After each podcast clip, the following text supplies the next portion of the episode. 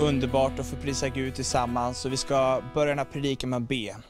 Så Fader, jag tackar dig att du är här, var än är någonstans och tittar på och lyssnar till Guds ord. Jag bara tackar dig för att din heliga Ande är här. Jag ber att du får tala genom den här predikan, du får tala genom mig och du får också öppna våra hjärtan så vi får ta emot och höra som det du vill säga till oss. Jag tackar dig för det i Jesu namn. Amen. Jag tänkte jag ska tala om Guds rike den här eh, gudstjänsten och jag skulle vilja börja dyka in i Bibeln på en gång och dyka in i slutet i den sista boken och faktiskt i de sista, sista kapitlerna i den här boken, i Uppenbarelseboken kapitel 22 och vers 1. Salig är den som håller fast vid profetians ord. Salig är den som håller fast vid det här ordet. Ofta när man tänker på Uppenbarelseboken så hör man folk prata om att det är mycket svåra grejer, mycket vi inte förstår, mycket vi tycker är lite bökigt. Och det talar om bebisar och det talar om drakar hit och dit. Och man, man hänger inte riktigt med i allting som sker. Men ändå så står det, Johannes skriver att man ska vara salig om man tar emot det här budskapet. Och vad ligger den här nyckeln till den här saligheten som betyder att man är glad och tillfreds? Jag tror man hittar den kanske till och med redan i kapitlet innan. Och där står det så här. Och se, jag hörde en stark röst från tronen. Se, nu står Guds boning bland människorna. Han ska bo hos dem och det ska vara hans folk och Gud själv ska vara hos dem. Och han ska torka alla tårar från deras ögon. Döden skall inte finnas mer och ingen sorg och ingen gråt och ingen plåga. För det som förr var är borta. Och han som satt på tronen sade, se, jag gör allting nytt. Uppenbarelseboken, det ger oss en skildring av det som ska hända, det som har hänt och det som, som sker just nu.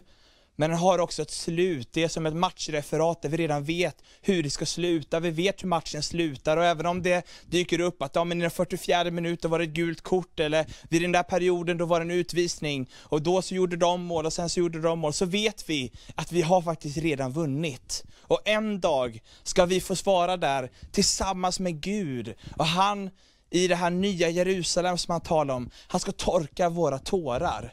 Han ska trösta oss. Där finns det ingen sorg, det finns ingen död, det finns ingen smärta. Men där finns Gud och hans härlighet fullt mått med frid och glädje. Men när Jesus kom till jorden så började han sin tjänst med att predika ett nytt budskap. Han sa så här i Markus 1 och 15. Tiden är inne och Guds rike är nära. De kristna har i alla tider haft ett hopp att vi ändå ska få vara i himlen och vi ska få möta honom. Även om vi går igenom tuffa tider så vet vi att en dag ska vi få vara med Gud. Men Jesus han talar faktiskt om att Guds rike är nära och det har kommit till oss. När Jesus kom så kom han med sitt rike. Gud valde att komma till oss. Vi ska komma till honom, men han har kommit till oss. Och han är här, och han är här med sitt rike redan nu.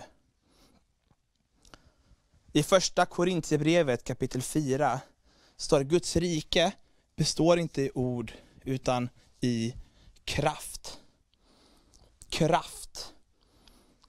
När den helige ande kommer över oss så skall vi få kraft, står det i Apostlagärningarna. Vi ska få bli kraft att bli Guds vittnen i Jerusalem, i hela Judeen och Samarien och ända till jordens yttersta gräns. Jag kommer ihåg när jag gick i fyran, då hade jag precis flyttat ut till en liten by utanför min hemstad och i den här byn så hamnade jag i en klass där det var ganska stökigt och det var ganska tufft och hård atmosfär och någonting hände i mig. Det var någonting som gick sönder i mitt hjärta. Och jag som var egentligen en ganska glatt litet barn som sprang runt på skolgården och som predikade när jag gick i lågstadiet på rasten för mina kompisar. Någonting brast och någonting blev svagt. Jag kommer ihåg att jag såg en gång hur prästens son blev jagad av några skolkompisar och retad för att han var kristen och för att hans pappa var präst. Och så kom tanken i mitt huvud, att här kan jag aldrig berätta att jag tror på Jesus. Jag kommer aldrig våga stå upp för min tro och jag skämdes över det, men det var så det var. Och jag kände bara som bara försvann den här glädjen och någonting i mig blev liksom brutet. Men några år senare så fick jag mitt första riktiga gudsmöte. Och jag bara kände hur, hur någonting började ta bort det här som var brustet och någonting började läka. Och när jag gick in i högstadiet så började jag engagera mig i kristna skolgruppen. Gud hade mött mig och han började skruva på min självbild, min självkänsla. Och plötsligt så började jag predika, plötsligt så vågade jag tala ut det som jag kände var sant på insidan. Och jag blev en helt ny, frimodig, ung människa som vågade tala ut för att den helige Ande hade mött med mig och jag hade fått kraft. Den helige Ande, han vill ge oss kraft. Och när Guds rike kommer, vi tar del av hans rike, så får vi kraft. I Romarbrevet kapitel 14 och vers 17 så står det att Guds rike är inte mat och dryck, utan rättfärdighet och frid och glädje i den helige Ande. Andens gåvor. En tanke och en bild med Guds rike, det är att vi ska ha gåvor från den helige Ande. När den helige Ande kom så var han vår hjälpare, och han är vår hjälpare idag. Och han vill också vara din hjälpare, att vara en som får sprida och utbreda Guds rike. Och Paulus han skriver i Korintierbrevet 1, vers 12, att hos var och en så visar sig anden så att den blir till nytta. Den ene får av anden ord och vishet, den andra får ord och kunskap genom samma ande. En får tro genom samma ande, en får gåvor att bota sjuka genom samma ande, en annan att göra kraftgärningar. En får gåvan att profetera, en annan att skilja mellan andar. En får gåvan att tala olika slags tungomål och annan att uttyda tungomål. Men i allt detta verkar en och samma ande som fördelar sina gåvor åt var och en som han vill. Ibland så tror jag när vi läser om de här nådegåvorna, läser om den helige ande vill använda oss, så finns det någonting i vår kultur som vi har i vårt land, där man kanske inte vill vara för mer. Och man tänker, ska verkligen jag vara en sån som ska profetera? Och man kanske tänker till och med att det är lite fromt, att man håller tillbaka lite, man vill inte vara för mycket. Jag tror inte det är så som Gud tänker kring de andliga gåvorna. Jag tror Gud har givit de andliga gåvorna för att vi ska kunna välsigna, för att vi ska kunna styrka varandra, och för att vi ska kunna leva ut ett liv och en gemenskap som är baserad i kärlek och i överlåtelse. När, Paul, när Petrus efter den helige Ande hade kommit så var han på väg till bönen. Och så står han på väg till bönen så möter han en man som var lam. En man som var sjuk och det gjorde att han var fattig, att han inte kunde arbeta, han kunde inte försörja sig själv. Och när mannen ser Petrus så säger han, snälla kan inte du ge mig någonting, ge mig en gåva. Och då säger Petrus någonting väldigt intressant. Silver och guld har jag inte, men vad jag har, det ger jag dig. I Jesu Kristi Nazarens namn, res dig och gå. Och det intressanta är att den här mannen, han blir ju inte ledsen för att han inte får pengar. Han är inte ledsen för att han inte får en bit mat. Han blir väldigt glad för han tar emot ett helande. Det står att han reser sig upp, han hoppar och dansar och prisar Gud. Och alla som stod runt omkring var helt förundrade för att Gud gjorde någonting. Tänk om Petrus inte hade varit frimodig med de gåvorna. Tänk om han hade sagt, att jag har inga pengar här, nu kan jag inte göra någonting. Då hade inte mannen fått det här helandet, han hade inte varit det här halleluja-tillståndet. Och så tänker jag ofta det med våra gåvor, att vi kanske nedgraderar dem och så missar vi chansen att välsigna varandra. Vi missar chansen att uppmuntra varandra, att förmedla helanden, att förmedla ord av uppmuntran, ord av vishet, profetiska tilltal och hälsningar som Gud vill använda för att vi ska få bygga upp varandra och stärka Guds rike. Om vi vill se att Guds rike får växa fram i starkare mått, så tror jag att vi behöver ta till oss att nådegåvorna är någonting som Gud vill ska få verka hos var och en. Hos var och en, det betyder alla. Det betyder precis alla som sitter i rummet du sitter i. Det betyder mig och det betyder dig. Hos alla så vill den helige Ande verka så att det blir till nytta, så det blir till uppbyggelse. Och Bibeln uppmanar oss att sträva efter de andliga gåvorna. Att bli rika på dem och att utvecklas dem och, och förmera dem, att vi har mer av hans gåvor så att vi kan få välsigna varandra och bygga upp varandra. Om vi älskar varandra så tror jag att det finaste sättet vi kan visa det, det är att vara generösa med att ge av Andens gåvor som Gud har lagt ner i oss. Så vi får bygga en stark församling och en stark gemenskap. I Romarbrevet kapitel 14 och vers 17 så står det så här.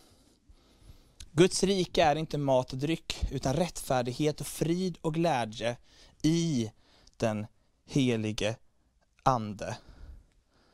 Och här vill jag stryka under mat och dryck, utan rättfärdighet och frid.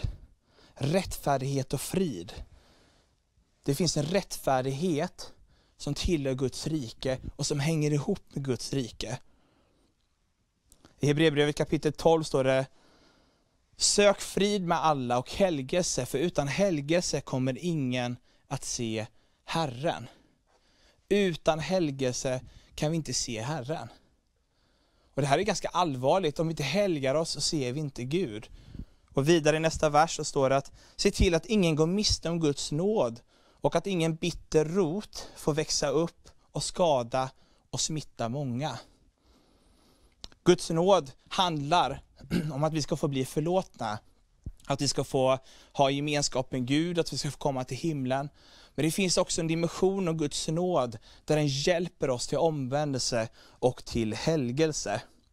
Ordet helgelse, helgad, det är ett gammalt ord och det betyder att avskilja något för ett ändamål.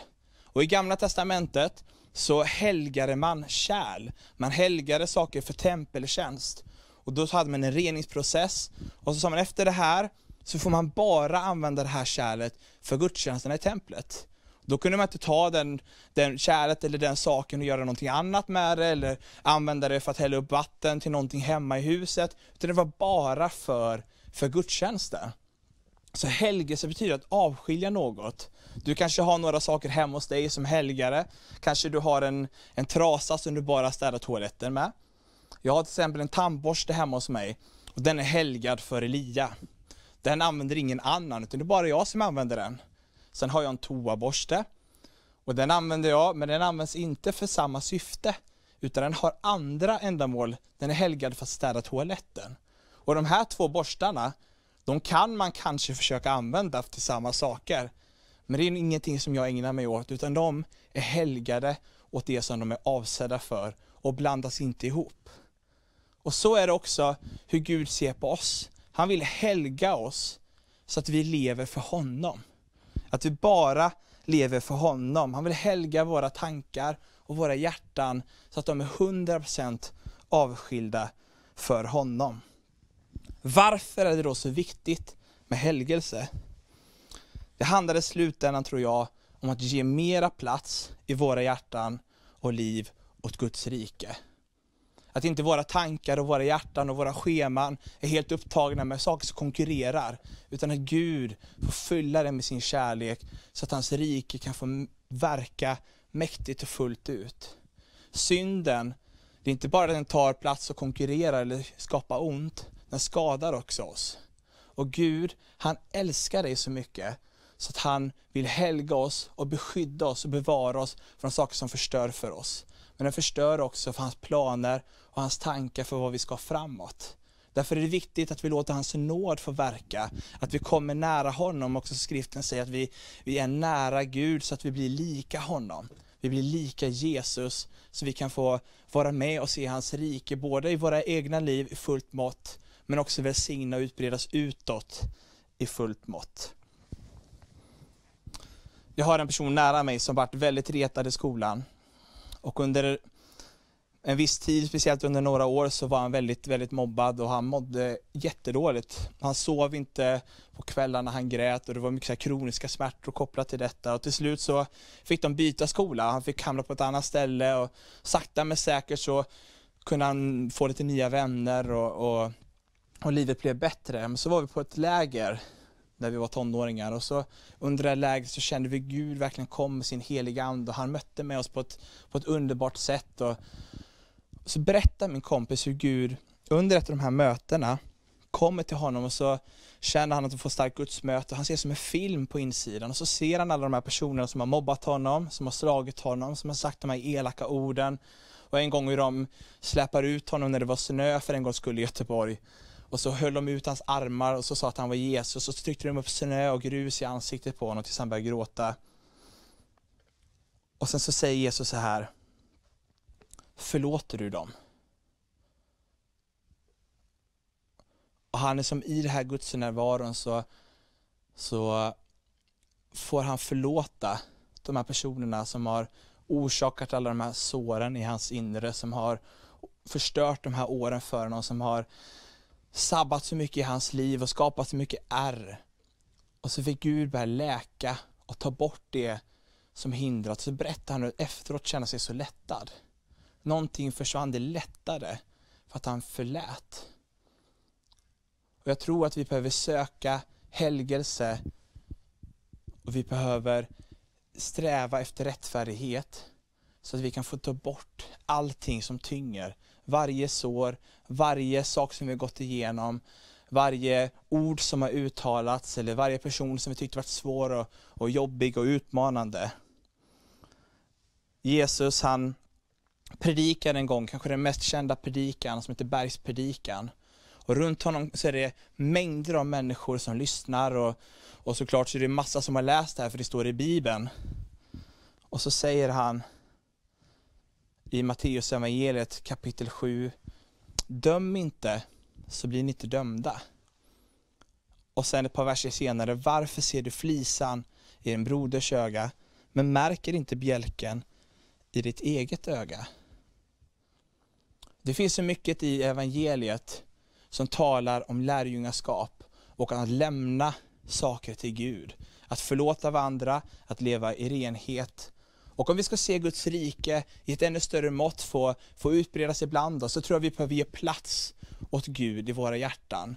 Och när vi ger plats så behöver vi låta han få plocka bort saker som ligger i vägen. Plocka bort saker som tynger oss och särskilt synden. Plocka bort oförlåtelse. Jag har märkt en sak, att när man är ensam hemma, och man kanske har varit ensam en hel dag, och man har bett lite grann och man kanske prisar Gud och lyssnar på en lovsång, då är det väldigt enkelt att vara helgad. Det är väldigt enkelt att, att tänka fina tankar om människor om de är på avstånd.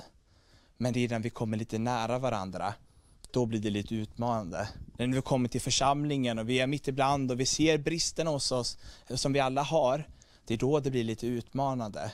Och där kommer de här orden, döm inte, så blir ni inte dömda. Och jag har börjat, jag försöker i alla fall, att varje gång som jag känner någonting som reser sig på insidan, jag har en åsikt om någon, så börjar jag tänka så här, men okej, okay, den gör så där. Och så frågar Gud, kan du visa mig om jag också gör någonting sånt?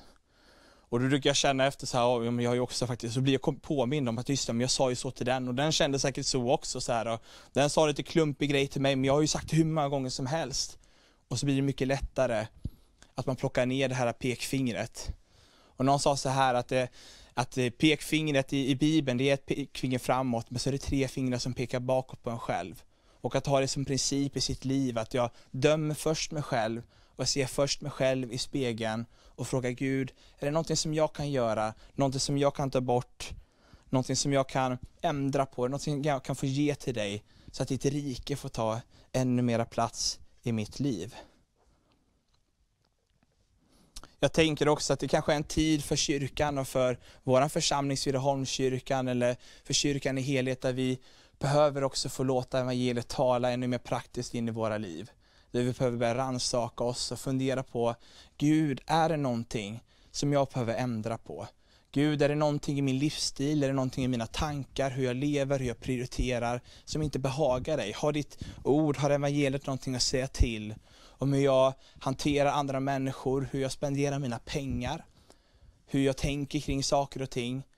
Idag så har världen aldrig varit så, så nära. Ens nästa har aldrig varit så nära så att vi, idag kan vi skriva ett sms till någon på andra sidan jorden och få svar på bara en minut.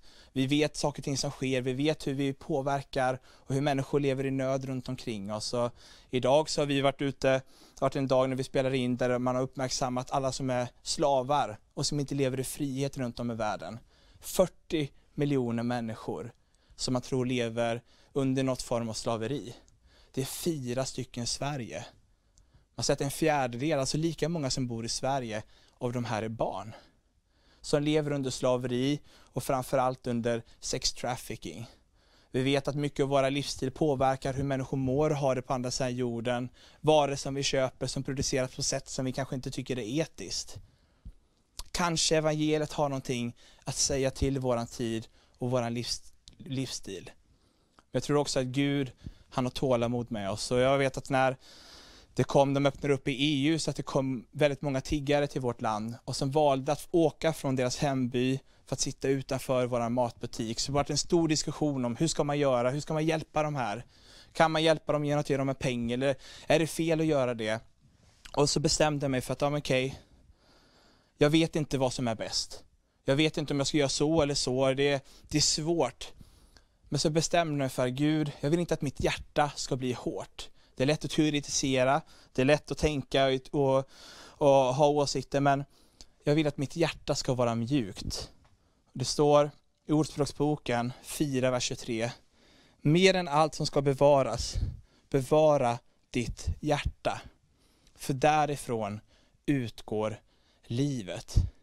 Mer än allt som ska bevaras, bevara ditt hjärta.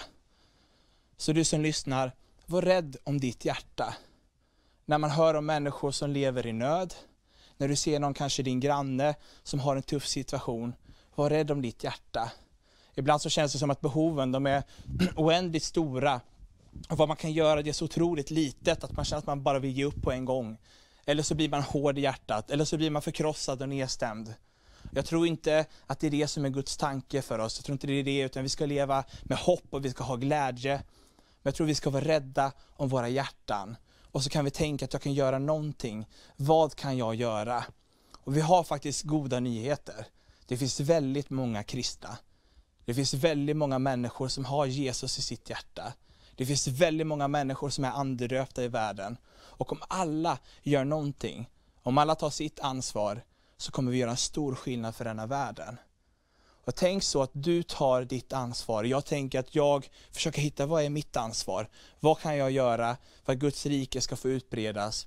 Både i praktisk handling, i förkunnelse, när vi bygger vår församling, hur vi, hur vi är med varandra, hur vi visar kärlek till varandra, hur vi beter oss i församlingen, hur vi tänker kring varandra i församlingen, hur vi, hur vi ber för varandra, hur vi låter den helige Andes gåvor få komma till oss, men också att vi låter hans kraft få, få utlopp i våra liv. Att vi tänker, vad är min del? Och så tar jag hand om det. Och så fokuserar jag inte på flisan i min broders öga. Jag dömer inte andra, utan jag tänker Gud, vad kan jag göra? Jag tänker vi ska avsluta det här budskapet med att be tillsammans. Och om det är så att du sitter i en gudstjänstlokal där det är lovsångare så kommer en lovsångare gå upp och sätta sig och spela lite i bakgrunden. Och så öppnar vi våra hjärtan och så ber vi till Gud. Vi ber till Gud att han ska få visa oss, vad kan jag göra för att ditt rike ska få utbredas lite mera? Finns det någonting som är i mitt liv, i mitt tankesätt, hur jag hanterar olika saker som du vill att jag ska ta tu med nu? Och jag tänker att Gud, han är våran hede. Det står att sakta för han mod får en typ till bete. Gud han har tålamod med oss och vi, han vet att vi har en lång resa, han vet att det finns mycket att jobba med, men han har tid. Ibland är vi frustrerade och otåliga, och vill att allt ska hända på en gång. Men Gud han har tid. Och för mig så har jag känt att Gud, du får vara den som bestämmer processen i mitt liv när det kommer till helgelse och överlåtelse. Du får hjälpa mig att ta rätt steg i rätt tid. Så att jag klarar av det, så att det blir på ett sätt som blir bra. För du känner mig bättre än någon annan och du känner mig bättre än vad jag själv känner mig. Så där du är någonstans ska vi bara öppna våra hjärtan och så ber vi. Gud, vi ber att ditt rike ska få komma ännu mer, precis som du själv bad. Låt ditt rike komma, låt din vilja ske. Så som i himlen, så och på jorden. Och vi ber att ditt rike ska få utbredas mycket mer i denna jorden. Vi ser att det finns så mycket lidande, det finns mycket behov. Det finns många människor som behöver frälsning, som behöver upprättelse, som behöver kärlek, som behöver uppmuntran, som behöver frihet runt om i denna jorden. Och Gud, jag ber att vi ska få vara med och se ditt rike ännu mera utbredas. Så vi tackar dig Gud att vi får vara med, att vi får bygga detta. Vi ber Gud skapa utrymme i våra hjärtan, skapa kärlek i våra hjärtan. Så att vi inte har saker som konkurrerar eller som tynger oss, utan vi kan få tjäna dig och bygga ditt rike på ett rätt sätt. Herre, jag tackar dig för att du hjälper oss. Du är den som hjälper oss i helgelsen. Det är, det är din närvaro, din kärlek som leder oss till omvändelse. Och din godhet som hjälper oss. Jag tackar dig Gud för att vi får kasta oss på din godhet, kasta oss på din nåd. Och låta dig få skapa ett verk, förvandla våra hjärtan. Så vi får bli mera lika dig för varje dag som går. I Jesu Kristi namn. Amen. in worship, giving